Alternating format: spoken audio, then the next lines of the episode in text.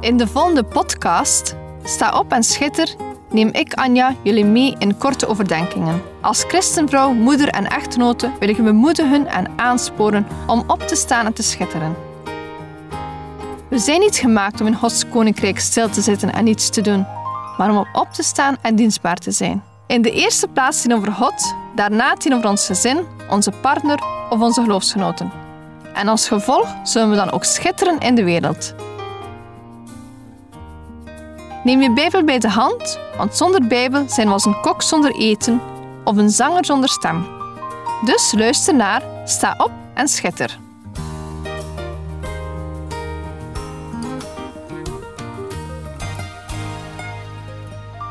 Vandaag wil ik het hebben over bereidheid. Zijn we bereid om God te volgen?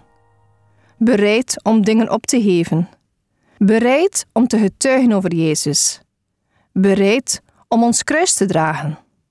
Enkele jaren geleden ontmoette mijn schoonmoeder een man die door België wandelde met een groot houten kruis. Deze man was toen onderweg van Ronse naar Brugge. Hij vertelde mijn schoonmoeder het doel van zijn wandeling namelijk het goede nieuws van Jezus brengen. Hij wandelde in geloof. God voorzag steeds in eten en onderdak.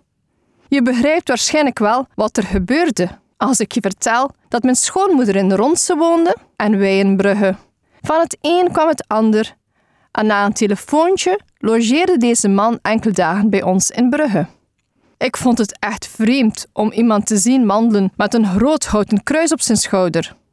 Groot was het echt wel. Zo'n 2,5 meter lang.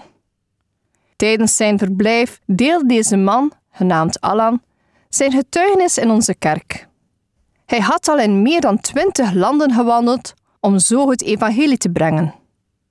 Ik dacht dat zo'n groot houten kruis mensen zou afschrikken. Maar dat was niet het geval. God zond mensen die open stonden voor het evangelie op Alan zijn pad hij kreeg de gelegenheid om te bidden met mensen en zag wonderen. Zijn verhaal triggerde mij toen en nu nog steeds, omdat het mij doet stilstaan bij bereidheid. Bereidheid om God te volgen. Bereidheid om dingen op te geven. Bereidheid om te getuigen over Jezus. Bereidheid om mijn kruis te dragen in deze wereld. Ben ik bereid? In Lucas 9 versen 23 en 24 lezen we wel degelijk de opdracht om het kruis dagelijks op te nemen. Ik lees voor uit de herziene statenvertaling. Lucas 9, versen 23 en 24. Hij zei tegen allen: Als iemand achter mij wil komen, moet hij zichzelf verloochenen, zijn kruis dagelijks opnemen en mij volgen. Want wie zijn leven wil behouden, die zal het verliezen. Maar wie zijn leven verliezen zal omwille van mij, die zal het behouden. Het gaat hier natuurlijk niet om een letterlijk kruis. Maar wat bedoelde Jezus dan wel? Net ervoor kunnen we lezen in versen 21 en 22. En hij sprak hen streng toe en beval dat zij dit tegen niemand zeggen zouden. Hij zei: De zoon des mensen moet veel lijden en verworpen worden door de oudsten overpriesters en schriftgeleerden. En hij moet gedood en op de derde dag opgewekt worden. Jezus vertelt hier over zijn lijden, verwerping en dood. Een zwaar kruis om te dragen.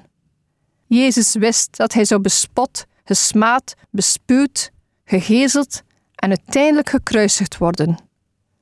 Hij wist dat hij verraden zou worden, niet door zijn vijand, maar door een discipel, een vriend een zwaar kruis om te dragen. Heb je ooit al bij stilgestaan bij hoe Jezus zich moet gevoeld hebben terwijl hij zijn kruis droeg naar Golgotha? In het dragen van dit kruis kon niemand hem volgen.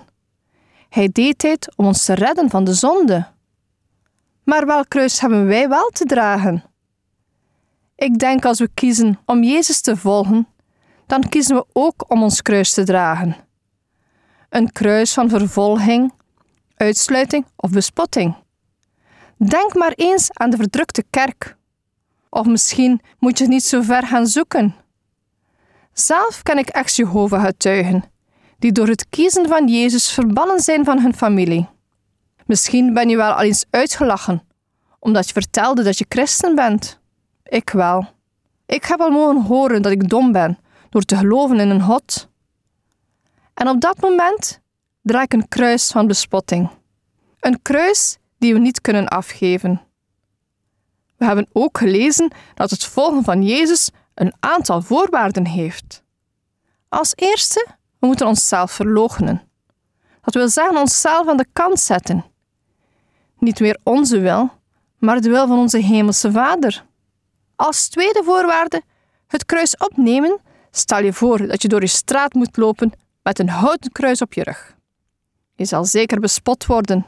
Ook die man waarvan ik sprak in het begin vertelde verhalen van bespotting. Want dat was zeer normaal. Hij vertelde mij: de vreugde van iemand te bereiken is de bespotting waard. Als derde voorwaarde staat er mij volgen. We moeten actie nemen. Een christen hoort niet stil te zitten, maar op te staan en te volgen.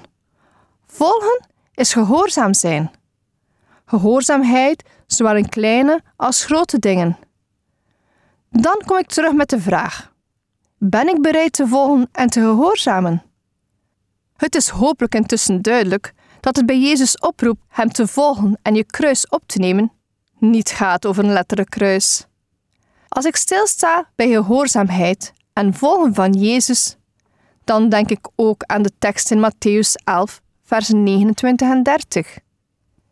Neem mijn juk op u en leer van mij, dat ik zachtmoedig ben en nederig van hart, en u zult rust vinden voor uw ziel. Want mijn juk is zacht en mijn last is licht. In de tijd van Jezus gebruikten boeren een juk. Dit is een soort halsband om twee ossen aan elkaar te koppelen.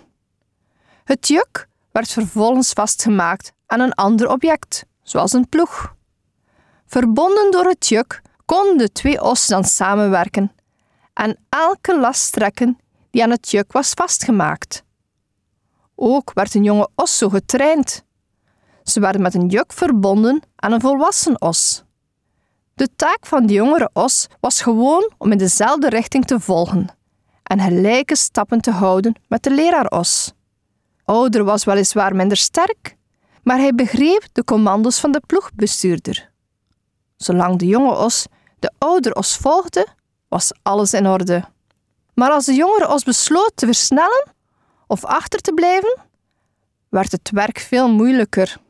Alleen door gelijke stappen te houden met de oudere os kon de jongere os het dagelijkse werk voltooien, zonder in te storten van uitputting. Uiteindelijk gaat het over samendragen van lasten. Jezus past het beeld toe op ons leven met Hem. We wandelen het leven niet alleen. Als we een kruis te dragen hebben, dragen we dit in de eerste plaats met Jezus. We worden hierin terug opgeroepen om in beweging te komen.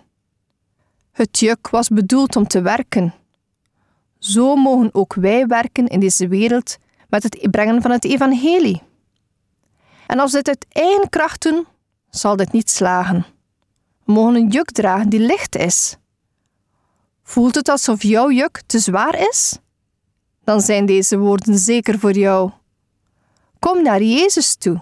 Hij nodigt jou uit te blijven verlangen naar het beste voor jezelf. Hij wil jou leren wat belangrijk is. Hij wil je leren om op zoek te gaan naar rustige wateren, om stil te gaan staan bij zijn onderwijs. Stil te staan bij het kruis die hij droeg.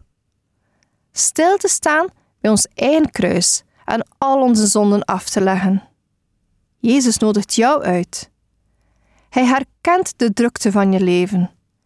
Hij wil naar jouw problemen luisteren en verzekert je dat zijn juk zacht is en zijn last licht. Een juk wordt altijd gedragen door twee. Wij mogen ons juk dragen met Jezus. We kunnen met Hem spreken als een vriend. Het juk kun je vergelijken met het kruis die je draagt. Je draagt het niet alleen. Soms dragen we zware lasten, omdat we het alleen willen dragen. Onze trots kan ons belemmeren om onze zorgen te delen. Welke last weegt op bij jou? Eenzaamheid? ziekte, depressie, angst, armoede. Als jouw kruis in je leven zwaar aanvoelt, ga dan in gebed en vraag hulp. In de eerste plaats aan God. Maar ook medegelovigen kun je ondersteunen bij het dragen van je kruis. We zijn niet gemaakt om alleen te wandelen. Stel je deze week de vragen: Ben je bereid om God te volgen? Bereid om dingen op te geven? Bereid om te getuigen over Jezus? Bereid om jouw kruis te dragen? We worden opgeroepen om Hem te volgen. God wil niet een stukje van ons leven, maar Hij wil alles. Ik betrap mezelf er wel eens op dat ik niet altijd doe. Ik bekijk mijn leven als een huis. Het volledige huis is van Jezus. Hij zou welkom moeten zijn in alle kamers. Maar helaas doe ik wel eens een kamer op slot voor Hem. Een plaatsje waar ik Hem niet de vrije toegang in geef. En dan is het eigenlijk zeer simpel. Als ik die deur niet openmaak voor Hem, dan ben ik eigenlijk aan het onthouden wat al van Hem is. Dan zeg ik eigenlijk: God, ik behoor U toe. Maar dit of dat doe ik liever alleen. Ik leerde een wijze les en heb beslist om bereid te zijn en mijn volledige leven aan Jezus te geven. En die ene deur van de kamer open te maken. Ik hoop jullie ook. Sta op, volg Jezus, neem je kruis op en weet, Jezus zijn juk is zacht en zijn last is licht. Wees bereid om te schitteren. Deze podcast kun je steeds opnieuw beluisteren via de website en app van twr.be. Als je deze aflevering leuk vond en je wilt de podcast helpen ondersteunen, deel hem dan met anderen. Heb je gebed nodig of wil je reageren op deze uitzending? Zend dan gerust een mailtje naar anja.twr.be. Bedankt voor het luisteren.